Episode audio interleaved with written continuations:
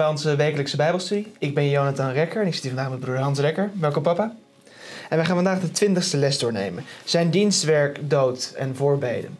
We gaan vandaag bepaalde profetieën uh, die erg belangrijk zijn voor Jezus' dienstwerk als hoge priester, als onze heiland en onze verlosser bespreken en die wat meer uitlichten en uitdiepen. Um, het zijn bekende Adventistische profetieën die soms voorbij komen, zoals bijvoorbeeld de 70 weken. En de betekenis daarvan, ook in het kader van 23 avond en morgens, is erg belangrijk voor het Adventisme.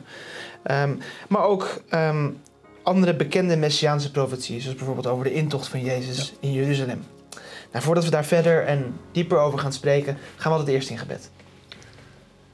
Lieve Vader in de hemel, in Jezus' naam komen we bij u en vragen u hulp en steun als we de les deze gaan bespreken. Geef ons en mij toch uw Heilige Geest, maar wil vooral met de mensen zijn die kijken. Wil toch hen ook aanraken met uw Heilige Geest, zodat ze Jezus als een verlosser mogen aannemen. Zodat we meer om kunnen vragen in met vergeving van zonde vragen we dit. Amen. Amen. De twintigste les. Zijn dienstwerk, dood en voorbeden. Um, in de inleiding staan eigenlijk al mooie voorwaarden over um, die niet zozeer te maken hebben met de les, maar wel belangrijk zijn om te ja. weten als we gebruik willen maken van Jezus dienstwerk. Als je bepaalde dingen die je uit de inleiding wilde halen. Nou, ik, had het, ik had hem gelezen, ik vond het mooi. Toen ging ik de les maken en toen dacht ik, ja. Het staat een beetje los op. Het staat een beetje los ja. van. Maar misschien is het niet zo, want dit, dit is meer van hoe zorg je er nou voor dat je in een toestand bent dat je dichter bij Jezus kan komen. Mm -hmm. En we weten dat zonde een scheiding is tussen het licht en de duisternis. En wij zijn met zonde duisternis mm -hmm. en Jezus is het licht of God en ja. samen. En hier staat het ook, hoe ga je nou met de zonde om als je het inzicht krijgt? En ook dat inzicht geeft de Heilige Geest. En dat vind ik het heel mooi. Dus ik heb hem in drie stukken gepakt. Het eerste die gaat over uh, als je dus privézonde hebt gedaan. Met andere woorden, je hebt iets verkeerd gedaan wat anderen niet weten. Ook niet met andere mensen. Je zou kunnen zeggen, uh, stiekem gerookt. Hè, zoiets. Uh, stiekem een flesje never opgedronken. Of nou, andere dingen. Alleen maar voor je, met jezelf. Hè? Dus met niemand anders. Dan hoef je niet aan iedereen te vertellen. hoef je aan niemand te vertellen. Behalve aan Jezus. Ja. En dat is de eerste. Dat zijn je privézonden. En je karaktertrekken. Jij weet dat je moeite hebt met je karakter. Dat leg je voor. De andere is dat je de, een andere mens wat gedaan hebt. En als ik jou beledigd heb. Dan moet ik naar jou toe gaan en zeggen... Jonathan, spijt me, ik heb jou beledigd. Dat is de andere stap. Die is moeilijker dan de eerste. En de derde stap is het moeilijkste. Maar je hebt die eerste twee nodig om naar die derde toe te gaan.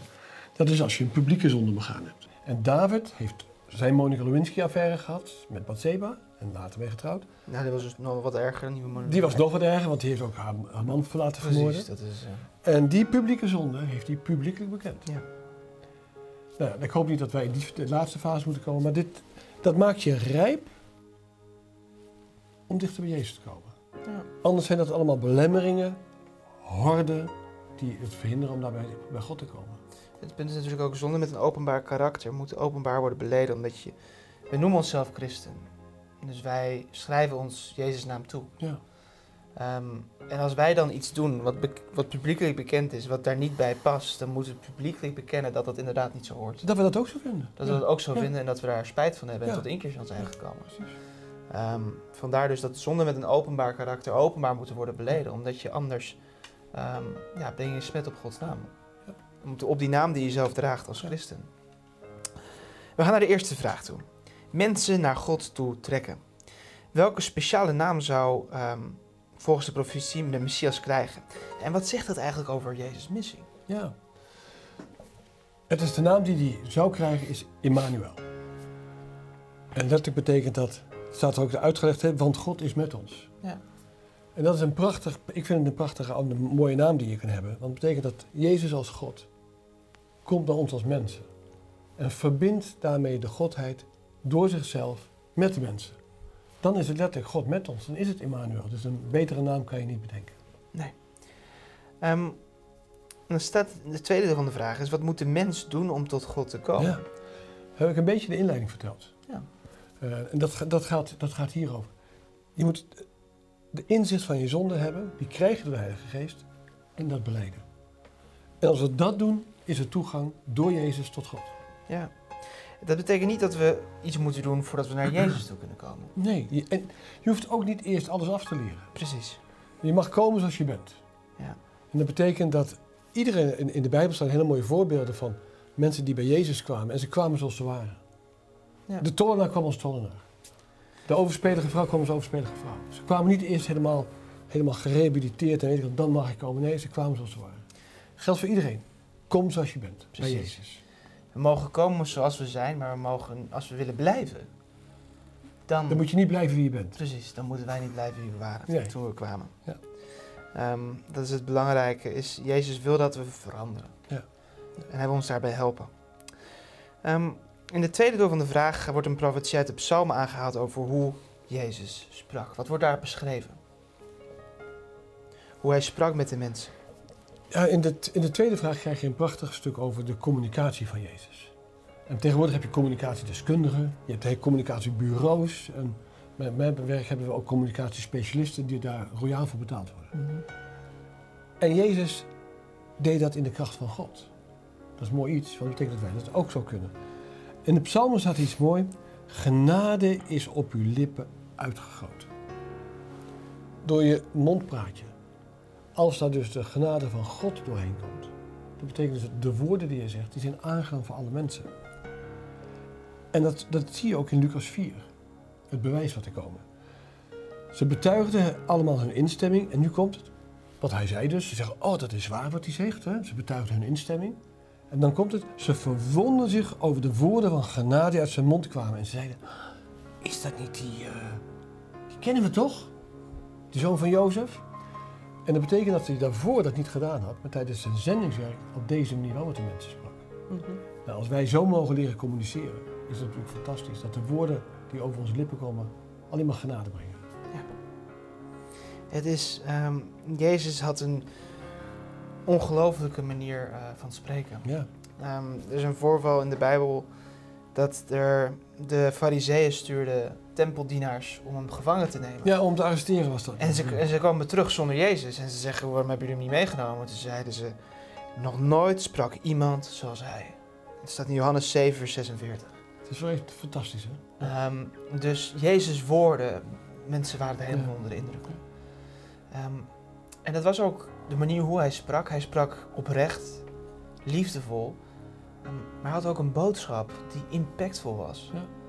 Dat mensen elkaar liefdevol, liefde moesten hebben. Dat ehm, het er niet toe deed wie je was of waar je vandaan kwam. Maar dat je door hem al kon veranderen. Dat er dus een vergeving van zonde was voor iedereen. Dat iedereen genezen kon worden. Ehm, dat dat wa- wa- was echt een revolutionaire boodschap in die tijd. Dus Jezus sprak niet alleen hoe hij sprak, was bijzonder. En, en had veel impact, maar ook de boodschap die hij bracht. Ja. Hoop, liefde en genade. En wat in de opmerking heel mooi staat, gaat over vriendelijkheid en verdraagzaamheid. Ik wil een heel klein stukje voorlezen, dat staat aan het eind van de opmerking van 2. Nu is het werk om de genade van Christus in de ziel te hebben, die nooit, nooit schuldig zal zijn aan de blootstelling van andermans fouten. Tenzij het een positieve noodzakelijkheid is. Dus oefen dan in de lijn van Christus. Ja. Dus we hoeven niet mensen te veranderen en te verbeteren door te zeggen van... Weet jullie wel wat er allemaal fout is aan hem? Dat heeft er nooit iemand geholpen. Dus het blootstellen van de fouten van een ander. Dan spreken we de mensen rechtstreeks. Bid met ze.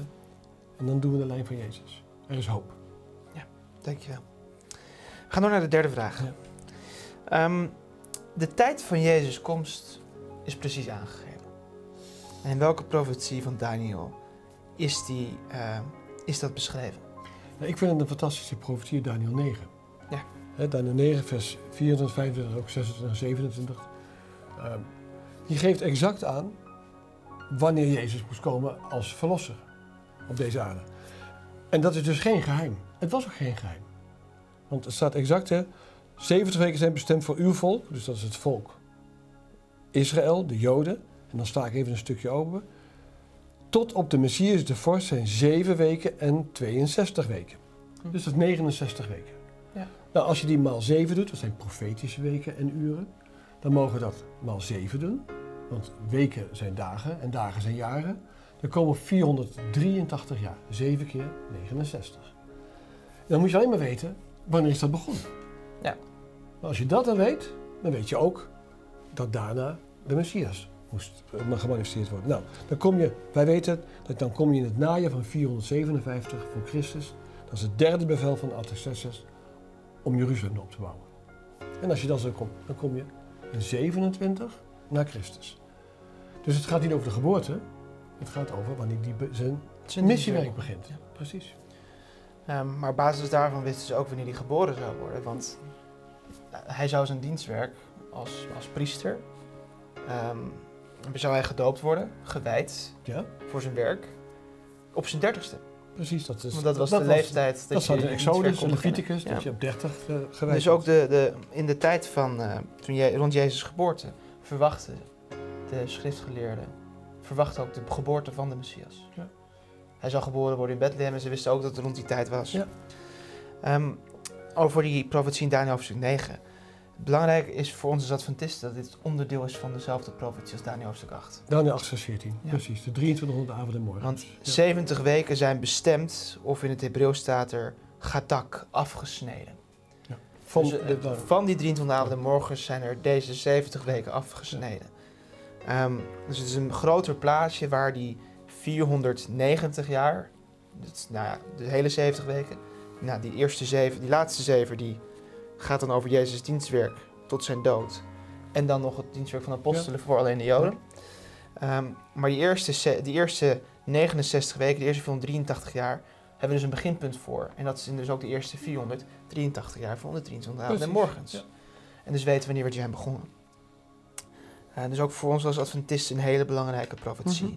Omdat we weten wanneer Jezus ehm, zijn werk als hoge priester begon. Ja. Ehm, als we naar de... Maar even, een belangrijk punt is, hè, voor een gemisverstand, sorry dat ik je even onderbreek Ja, nee. Eh, hier zien we dat het geen geheim is wanneer die zou beginnen. Nee. Als je de tweede komst gaat doen, dan kan je heel veel profetieën pakken, maar die gaan niet over de tweede komst. Dus het geheim is wel van de tweede komst. En Jezus zegt er zelf over, alleen de Vader weet tijdstip, moment, jaar, alles, wanneer ik weer zou komen. Mhm. Dus we kunnen daar heel, ik weet, daar wordt heel veel over gespeculeerd nog steeds, door iedereen, door heel gelovige mensen, door ongelovige mensen. Maar we weten het gewoon niet. Ja. Dus de eerste wederkomst was geen geheim, de tweede is wel een geheim.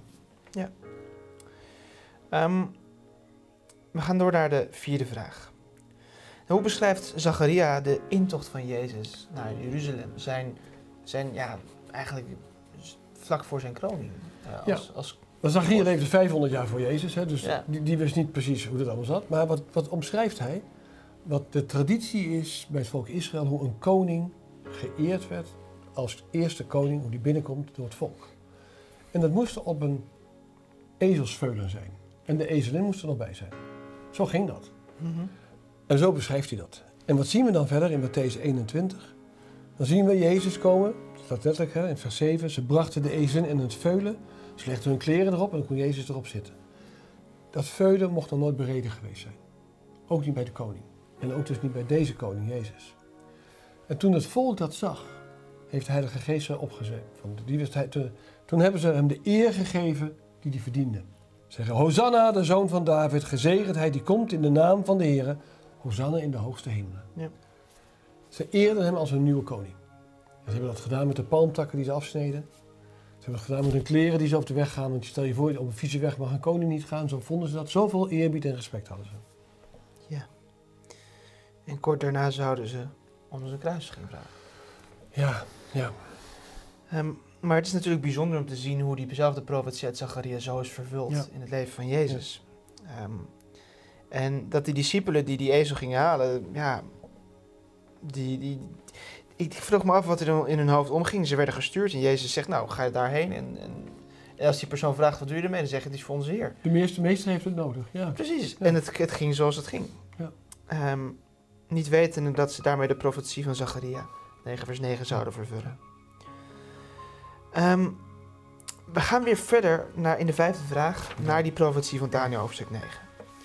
Want in Daniel hoofdstuk 9 wordt ons dus verteld dat in na 7 plus Ja. 62, dus aan het einde van die 62e week, of pardon, eh, ja, na die 62e week, dus eigenlijk de 69, want het is 7 plus 62, Mhm. als u het nog volgt. Dus na die 69 weken begint Jezus zijn dienstwerk, de doop, bij de Jordaan. ehm, dan wordt hij de Messias. Waarom? Omdat hij is gezalfd. Ja. Hij is gezalfd met de Heilige Geest. Dan is hij begonnen, zijn dienstwerk als onze hoge priester en als onze Messias begonnen. Ehm, wat gebeurde er nou halverwege die week? Ja. Volgens Ook de profetie zegt, Daniel. halverwege de week zal hij het slachtoffer en het graanoffer doen ophouden. Ja. Dat betekent dus dat de offerdienst zou stoppen. Ja. En wat gebeurde er halverwege die week?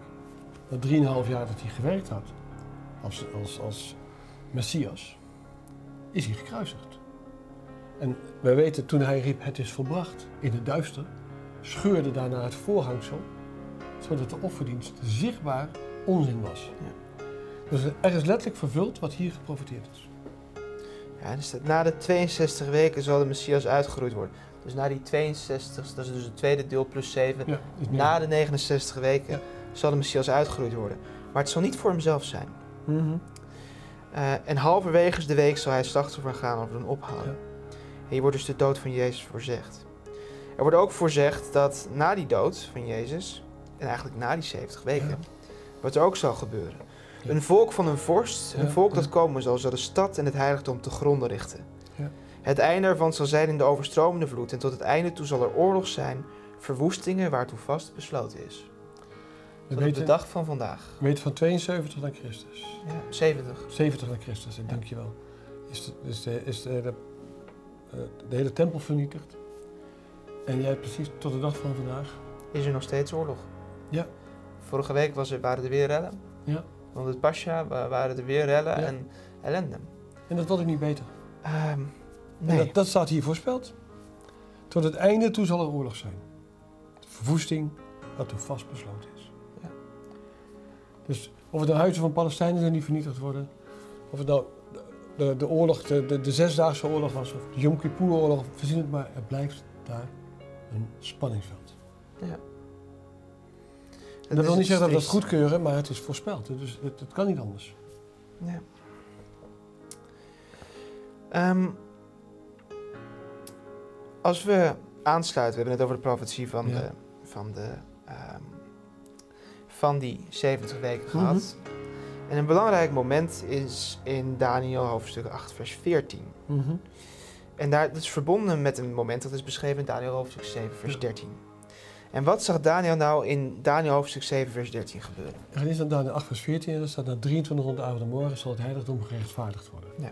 Met andere woorden, dan gaat de, de hoge priester van het heilige naar het heilige der heiligen. En dan wordt dat gereinigd. Het Mhm. heiligdom moest gere- gerechtvaardigd is gereinigd. En dat was op de grote verzoendag. Dat is de betekenis van Daniel 8 vers 14. We hebben net geconcludeerd, die 23 avonden morgens, die begonnen in 457 in het najaar. En in Daniel 7 vers 13 staat, en er kwam met de wolken van de hemel iemand als een mensenzoon. Hij kwam tot de oude van dagen en men deed hem voor zijn aangezicht naar de bij komen. Nou, wie is in de hemel die op een mens lijkt, is er maar één. Dat is Jezus. Ja. En Jezus komt hier bij de Vader, inderdaad, tegelijkertijd met de vervulling van de profetie van Daniel 8 vers 14, om naar het heilige der heiligen te gaan. En daar dat heiligdom te reinigen, te rechtvaardigen. En dan zie je ook de profetie vervuld, die vind ik heel mooi, van Matthäus 24, laatste stuk, hè, 64. Jezus staat voor het Sanhedrin, wordt verhoord door Caiaphas. En die, die wil hem constant dwingen omdat hij godslasting doet. En dan zegt hij weer, ja, u zegt het. En dan zegt hij, ik zeg u van nu aan zult u de Zoon des Mensen zien aan de rechterhand van de kracht van God en zien komen op de wolken van de hemel. Daarmee zegt hij twee dingen. Hij zal inderdaad aan de rechterhand van God als hoge priester fungeren.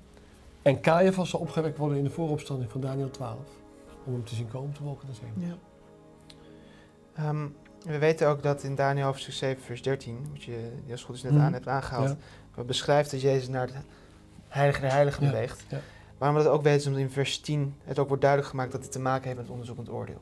Er staat, een rivier van vuur stroomde en ging uit voor zijn aangezicht, van de oude vandaag die zat. Duizend maal tienduizenden en tienduizend maal tienduizenden stonden voor zijn aangezicht. Het gerechtshof hield zitting en de boeken werden geopend. Ja. En daarna wordt beschreven dat hij eh, iemand zag als in de mensenzoon Ja. die zich bewoog met de wolken des hemels naar Jezus toe. Ehm, En dat vervolgens Jezus het koninkrijk krijgt, de koningsheerschappij. Dus hij krijgt de bevoegdheid om als rechter te spreken. Hem is het oorlog gegeven. Hij is zowel onze advocaat als onze rechter. Ja. Ehm, dat is wat hier in deze profetie zo wordt weergegeven. Hij wordt op dit moment gekroond in de hemel als, als koning. En het, een voorbeeld waarin in de Bijbel is terug te zien is de, is de bruiloft van de tien maagden. Ja, ja. In die bruiloft van de tien maagden zijn wij niet de bruid. Want we zijn de gasten. Ja. Je kan niet bruiden en gasten zijn. Ik eh, ben zelf bij mijn eigen huwelijk geweest. Paula was niet gast. Wij hadden gasten. Ja. Dus de gemeente is niet de, eh, zijn niet, is zijn te gast en is niet de bruid. Ja. De bruid is het Nieuw Jeruzalem. Ja. Dat weten we ook op van het boek Openbaring. Johannes wordt gezegd, kom, aan Johannes wordt verteld, kom ik laat je de bruid zien. En hij zag het Nieuw Jeruzalem. Als een symbool voor Jezus koningschap.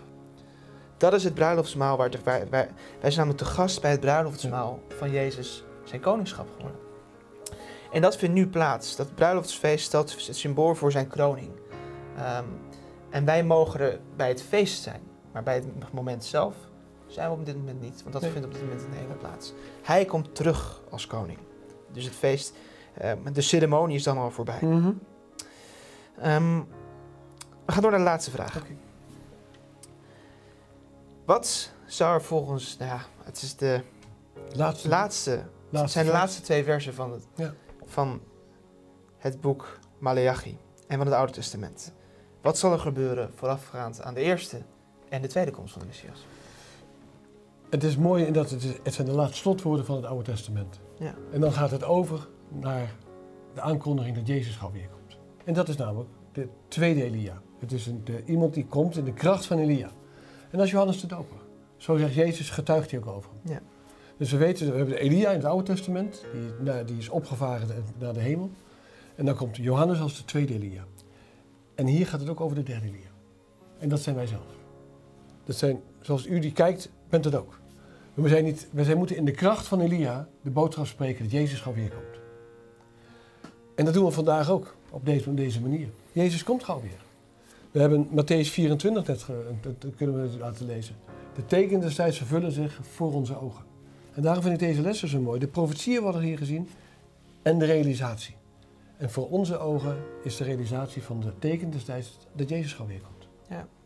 Eh, Johannes de Doper was de wegbereider voor Jezus voor zijn eerste komst. Ehm, hij, ook hij had de taak om de harten van de vaders tot de kinderen terug te brengen en de harten van de kinderen tot hun vaders. Ehm, ook hij had de taak om mensen te vertellen: bekeer je, Ja. bekeer je. Ehm, en diezelfde taak hebben wij vandaag. Ja. Niet voor zijn eerste komst, maar voor zijn tweede komst. Wij zijn vooruitgestuurd om de weg voor te bereiden voor Jezus. Ja. Om mensen voor te bereiden. En waaronder onszelf. Voor die grote eh, en ontzagwekkende dag zoals Maleachi het beschrijft. Ehm, en net zoals Elia werd vervolgd door Izebel en Johannes de Doper werd vervolgd door de tweede Izebel, Herodes, Ja. zal Gods volk worden vervolgd door de derde Izebel, het Babylon. Ja. Ehm, de, de, het Babylon, de grote hoer, zoals het boek Mhm. Openbaring haar beschrijft. We zijn bij het einde gekomen van deze les. Ehm, we hebben verschillende profetieën besproken die allemaal een deel laten zien van de grote vervulling van de belofte en dingen van die nog gebeuren moeten. Maar we sluiten af eigenlijk met een opdracht aan ons. En die opdracht is om het werk van Jezus voor te bereiden. Ehm, we weten uit de boeken van Zuster White dat Jezus, als het aan Jezus lag, al terug is gekomen. Ja. Maar wij zijn er nog niet klaar voor. En wij hebben ons werk om de wereld voor te bereiden nog niet klaar. Dus als u er daadwerkelijk naar verlangt dat Jezus snel terugkomt, we hebben het deels in onze eigen hand. Ja, Hoe we het tempo waarin wij dit werk van onze verantwoordelijkheid opnemen, waarin wij, de gemeente zich voorbereidt voor de wederkomst, is van belang. Ik wens u Gods rijke zegen toe en ik hoop u graag de volgende keer weer te zien.